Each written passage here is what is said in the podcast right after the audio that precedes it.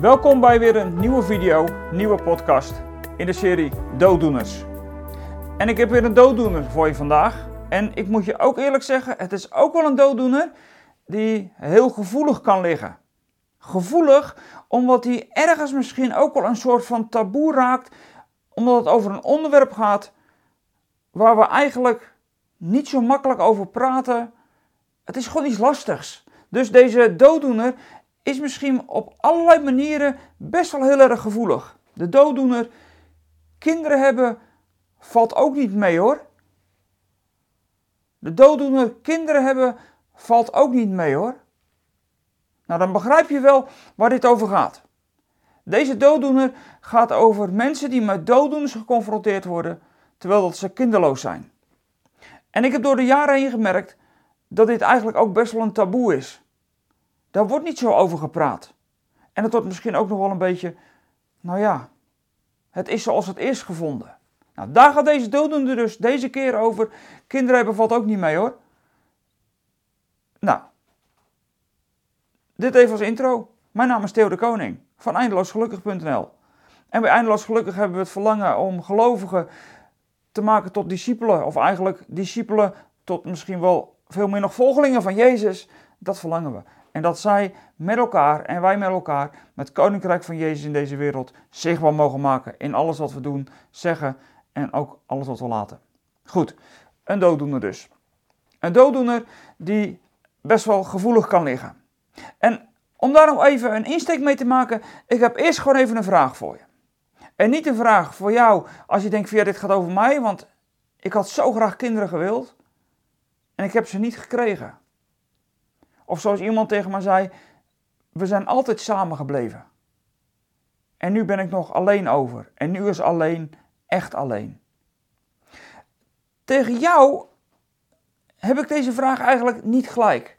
Helemaal niet zelfs, want ik denk dat jij, als je weet wat kinderloosheid is, en ik kan er heel moeilijk van uitpraten, ik heb kinderen, dus ik vind het thema in die zin ook best wel een beetje ingewikkeld, maar ik wil er echt wat over zeggen. En daarom ga ik een vraag stellen aan degene die niet met het thema kinderloosheid worstelen of geworsteld hebben.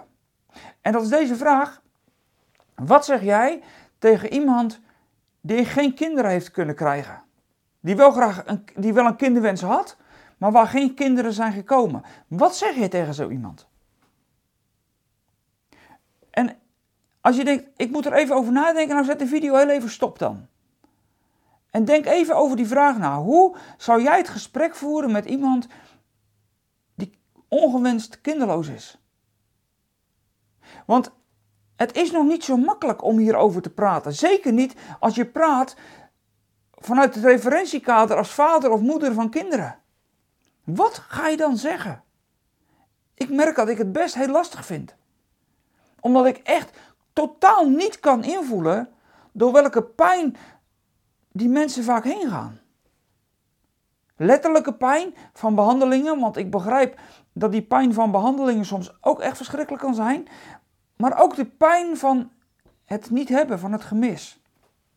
Hoe zou jij dat gesprek voeren? Of neig jij uiteindelijk ook wel naar zo'n soort dooddoener van, maar als je kinderen hebt, dan is het ook altijd wat hoor. En daar wil ik niks van afdoen, want ik weet ook heel goed wat het is om gedoe te hebben met, met je kinderen, omdat het gewoon even niet zo lekker loopt of dat er van alles aan de hand is.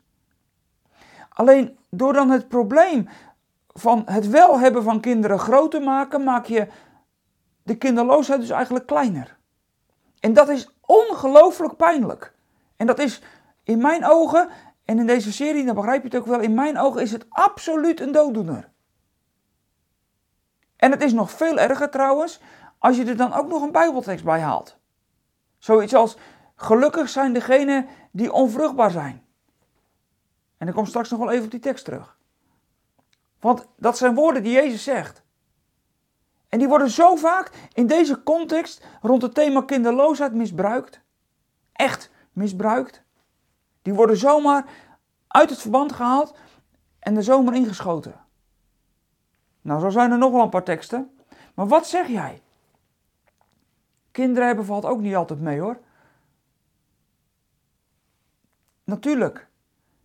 zit er aan allebei de kanten soms pijn en verdriet. Maar nu gaat het echt over degene die zijn verhaal of haar verhaal vertelt van het niet hebben van kinderen. Of zoals ik het net al zei, diegene die tegen mij zei, wij zijn altijd samengebleven. En dat was goed. Maar nu ben ik alleen over. Want weet je, het ontbreken van kinderen, dat kan zomaar ook nog het gevolg hebben dat als je uiteindelijk oud geworden bent, dat er niemand is die voor jou zorgt. En die zorg die kan al heel jong beginnen op te doemen. En ook rond de vraag van het wel of niet behandelen. Waar ligt dan de grens? Ook dat vind ik trouwens helemaal geen makkelijk thema om pastoraal begeleiding aan te geven. Want waar ligt dan die grens? Ik denk dat die grens ergens ligt op het moment dat we kinderen uiteindelijk die op een kunstmatige manier datzelfde die, die, die één worden en waardoor leven ontstaat wat we uiteindelijk moeten afbreken omdat er ander leven het anders niet redt. Nou ja, ergens daar zit wel voor mij een grens, denk ik. Er zit wel een ethische vraag onder nog. Maar tegelijkertijd blijft die pijn over op het moment dat er geen kinderen komen. En weet je, we leven dan ook nog eens een keer in een tijd. En ik wil echt gewoon nu even aandacht geven aan degene zonder kinderen. We leven dan ook nog eens een keer in een tijd dat gewenste kinderloosheid ook alleen maar groter en groter wordt. Ook daar hoor ik van alles over. En zie ik ook van alles om ons heen gebeuren. Daar waar God zei, wees vruchtbaar en vermenigvuldigt u. nou, er zijn ondertussen flinke groepen die eigenlijk zeggen van nou, doet die kinderen nou maar juist niet. Ik wil dat gewoon bewust niet. En laat zich daar dan even op behandelen. Ik denk dat het tegen de scheppingsorde ingaat. Maar die groep wordt groter en daardoor lijkt het wel dat het taboe voor degene die heel graag kinderen zouden willen ook alweer juist groter wordt. Dus de grote vraag is, hoe ga je nou dan het gesprek aan zonder met een dooddoener door de bocht te komen? En de pijn die er is, want die is er, de pijn van de kinderloosheid nog groter te maken. Nou, je hebt ondertussen even kunnen nadenken. Ik heb er ook over nagedacht. En uh, Soms krijg je er dan nog zo'n profetie bij van Jezaja 54. Het zijn zomaar een paar teksten. Het is eerst die tekst uit Lucas die er heel vaak bij gehaald wordt. Gelukkig wie onvruchtbaar is. Gelukkig de moederschoot die niet heeft gebaard en de borst die geen kinderen heeft gezoogd. En er wordt soms ook nog, voor degenen die een beetje flink bijbelkennis hebben, die hebben ze zomaar paraat zulke teksten. Het is echt ongelooflijk. Maar dan komt zomaar Jezaja 54 vers 1 tevoorschijn. En er wordt als een soort dooddoener die er ook nog in geschoten. En dan wordt er gezegd: Jubel, onvruchtbare vrouw. Jij die nooit een kind hebt gebaard, breek uit in gejuich en gejubel. Jij die geen weeën hebt gekend. Want, zegt de Heer, de kinderen van deze verlaten vrouw zullen talrijker zijn dan die van een gehuwde. Nou, gaat er maar aan staan. Staat zomaar in de Bijbel. Wat is nou waar? Nou, weet je, Eerst maar even hoe het in de tijd van de Bijbel was. In de tijd van de Bijbel, en zeker voor Israël, God als je geen kinderen kreeg, dat was meer dan verschrikkelijk. Alleen maar dochters krijgen was al wel serieus een probleem. Want een jongen zorgde ervoor dat je nageslacht verder ging en dat de Messias uit jou geboren zou kunnen worden. Dus ook met de Messias verwachting op de achtergrond was het krijgen van kinderen natuurlijk belangrijk. Maar daarnaast had God ook gewoon gezegd, en er staan meerdere teksten in Exodus en Deuteronomium. Daar heeft God ook gewoon gezegd, en dat gold voor Israël, en ik onderstreep dat ook even, die onderstreepte dat voor Israël gold dat er geen onvruchtbare zouden zijn, niet onder de mensen en niet onder de dieren. En er zouden geen misdrachten zijn. Er zouden dus ook geen miskramen zijn. Want die zitten er dan ook soms nog gewoon bij. Die zouden er voor Israël niet zijn, zolang dat ze trouw bleven aan God. Dus voor Israël gold op het moment dat er een dat er kinderloosheid was, of dat er een miskraam was, of dat dat ook onder het vee gebeurde, dat was, dat was voor Israël een oordeel van God. Maar in Deuteronomium en Exodus ontdek je dat God dan zegt dat dat bij hen niet zo zal zijn zoals bij de heidenen. Met andere woorden, bij de heidenen, de niet-Joden, niet Gods eigen volk, daar gold gewoon dat de gebrokenheid ervoor zorgde dat er kinderloosheid was. En dat er dus ook miskramen voorkwamen en dat er ook onder het vee dit gebeurde. Alleen Israël was een uitzondering. Gods eigen volk, die had de uitzondering van God gekregen. En ik geloof dat dat alleen maar, en specifiek alleen maar voor het Joodse volk is. Dat als ze trouw zouden blijven aan God, dan zou er geen kinderloosheid zijn. En daarom is het voor Israël een vloek als er geen kinderen zijn. Dus als je nou kinderloos bent, bedenk dan niet, dat is misschien wel een straf van God. Ik denk dat je dat zo nooit mag zeggen. Dat God voor Israël specifiek, als Gods uitverkoren volk, waar de Messias uit geboren moest worden, maar dat God niet voor de heidenvolken, en daar zijn wij onderdeel van. En dan kunnen we zeggen, we zijn ingeplant in Israël, we gaan hier geen vervangingstheologie toepassen. Ook niet op dit punt. Dus op het moment dat de kinderloosheid is, kun je niet zeggen dat dat een oordeel van God is. Dat gaat compleet in tegen de weg die God met Israël ging en de weg die God is gegaan met de heidenen. Dus dat kun je niet zeggen. Dus als je daarmee worstelt en denkt van ja, ik ben kinderloos gebleven, het is mijn eigen schuld, ik heb misschien wel gezondigd of dit of dat, dat God alleen maar in de specifieke situatie van het volk van Israël. Waarbij het dan ook nog eens keer God, als het volk afweek, dan kwamen die problemen voor. Dat kun je dus niet zeggen van niet-Israëlieten, niet-Joden, die gewoon door de gebrokenheid ook te dealen hebben, ook met de pijn van kinderloosheid. Nou, dat wil ik in ieder geval ter bemoediging zeggen op het moment dat je kinderloos bent gebleven. Dat is niet een oordeel en dat is niet een specifieke straf van God. Je kan het hooguit de straf noemen in het kader van de gevolgen van de zondeval en de gebrokenheid waar we moeten dealen. En daarmee is kinderloosheid dus tegelijkertijd net zo erg dan elke vorm van gebrokenheid ook. Of je nou blind bent, of dat je nou een verschrikkelijke ziekte krijgt, of dat er nou kinderloosheid is, of dat je aan het graf staat. Elke vorm van gebrokenheid is pijn en is verdriet en is uiteindelijk ook rouw. En ik noem dat bewust omdat ik merk dat vaak bij kinderloosheid er een, een heel groot rouwproces aan vastzit. Rouw hoort daarbij, want het is verliezen van, van de hoop en van de verwachting die je had. Verliezen van een stukje heelheid, wat er in de schepping wel was, maar wat we zijn kwijtgeraakt. Dus in de tijd van de Bijbel, God wil dat kinderen wel heel erg belangrijk waren. En tegelijkertijd zijn vrouwen wel geschapen met een bepaald moedergevoel. Dat is in de scheppingsorde ook meegekomen. Dus je mag de pijn die er is, en bij een vader ook, maar ik denk dat die pijn bij een moeder nog groter is. Die pijn mag je nooit onderschatten en afdoen met een opmerking als: Wees maar blij, want kinderen zijn is ook wat hoor. Met kinderen is het ook wat hoor. Dat mag je nooit zeggen. Dat kun je niet eens zeggen. Want dan ga je voorbij aan de pijn en het verdriet dat er is, omdat iemand zonder kinderen is gebleven. En zonder nageslacht is een eenzaam bestaan. Dat is een eenzaam bestaan. Dus zeg nou nooit zoiets als, nou ja, gelukkig zijn degenen die, die onvruchtbaar zijn gebleven. Ik lees even met je dat stukje waarin Jezus dat zegt. Dan zetten we dat gelijk terug in de context en dan durf je die tekst nooit meer te gebruiken. Dat kan ik je garanderen. En dat staat in Lucas 23. Lucas 23, vanaf, uh, ik lees maar even vanaf vers 26. En Jezus is dan op weg naar Golgotha. Toen Jezus werd weggeleid, hielden de soldaten en zekere Simon van Cyrene aan, die net de stad binnenkwam. Ze legden het kruis op zijn rug en lieten hem achter, het liet het hem achter Jezus aandragen. En een grote volksmenigte volgde Jezus, waaronder veel vrouwen die over een week klaagden en zich op de borst sloegen. En Jezus keerde zich echter naar hen om en zei: Dochters van Jeruzalem, huil niet om mij, huil liever om jezelf en je kinderen. Want weet, de tijd zal aanbreken dat men zal zeggen: Gelukkig wie onvruchtbaar is, gelukkig de moederschoot die niet heeft gebaard en de borst die geen kind heeft gezoogd. Dan zullen de mensen tegen de bergen zeggen: Val op ons neer en tegen de heuvels bedek ons.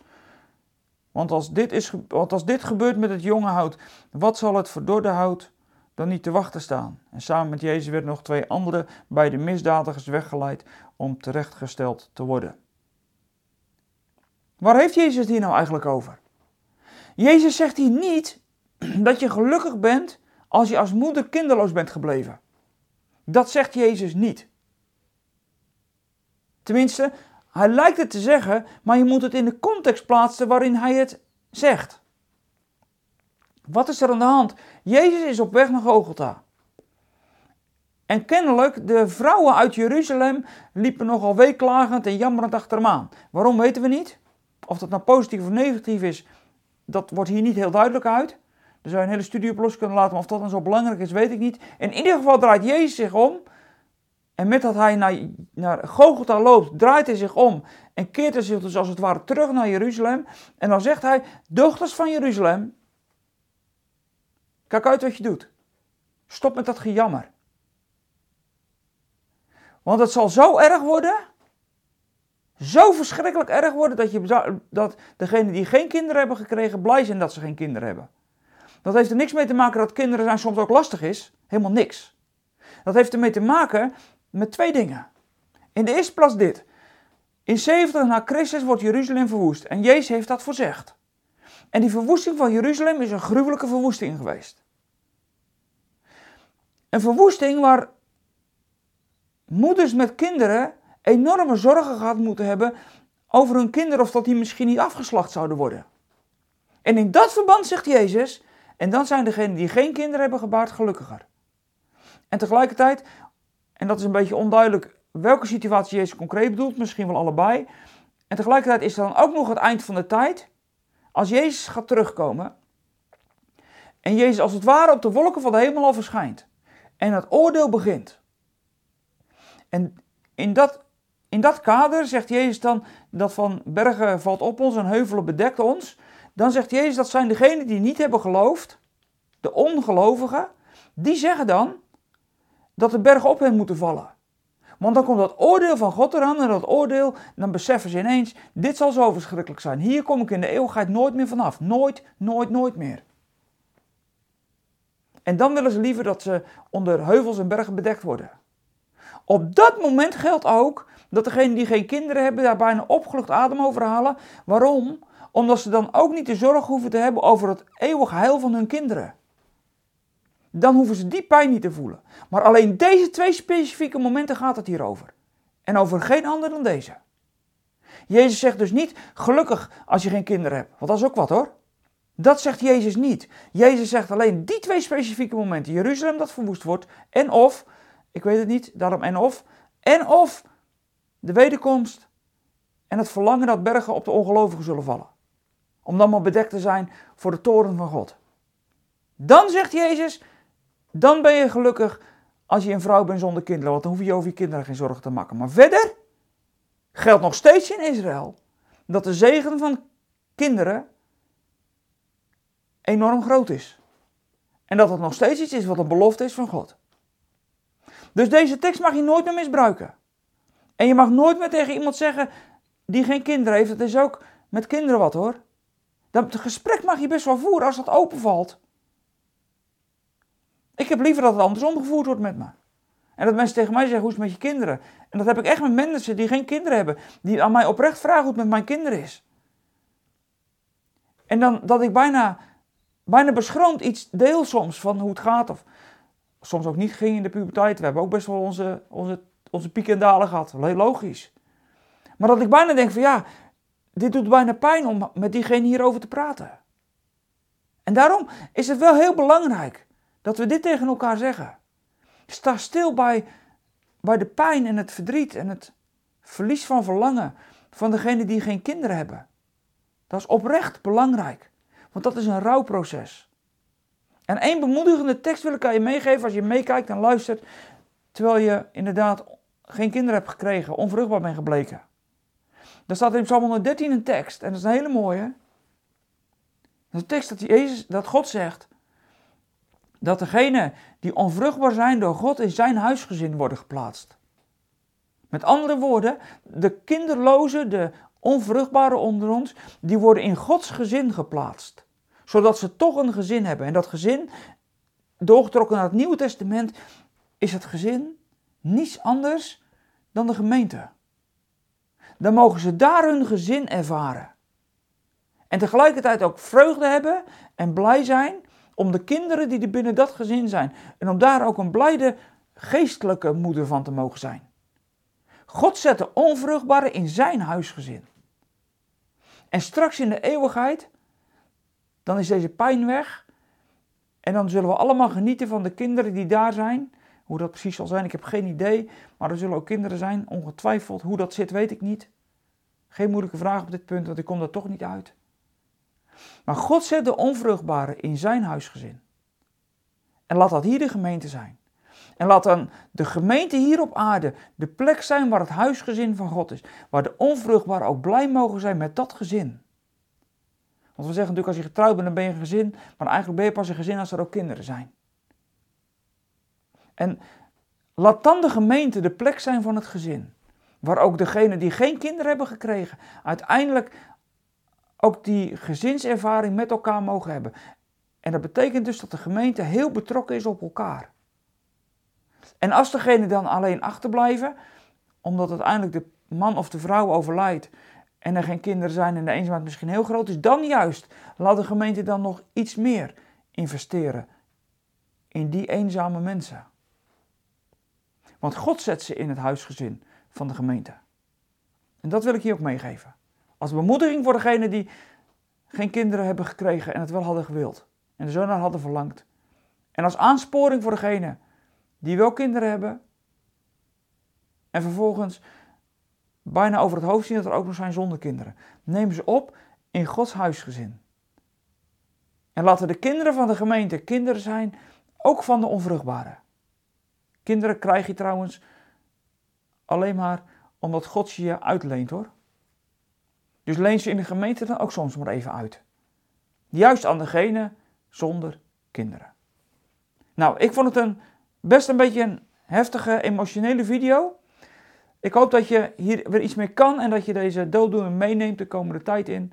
Erover na blijft denken en uitkijkt wat je zegt. Fijn dat je hebt gekeken. Dat meen ik oprecht. Dank je wel. Geef een blauw duimpje als je dat wilt op YouTube, als je deze video's waardeert. Deel hem ook.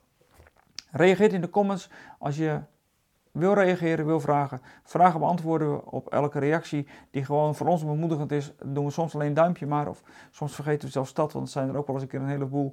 Nou ja, als je vragen stelt, dan proberen we altijd wel weer antwoord te geven. Dankjewel voor het kijken van nu. En als je ons uh, met een financiële gift wil ondersteunen, dan, uh, nou, dat vinden we heel fijn. En degene die het doen, die wil ik ook opnieuw weer bedanken dat je dat doet. Sommigen doen dat echt maandelijks. Daar zijn we echt ongelooflijk blij mee. Want daarmee kunnen we verder.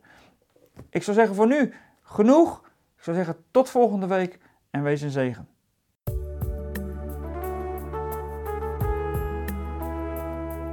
We zijn er weer aan het einde van deze podcast. Spreken deze podcast je aan en wil je ons met de gift ondersteunen? Kijk dan voor meer informatie op www.eindeloosgelukkig.nl/podcast.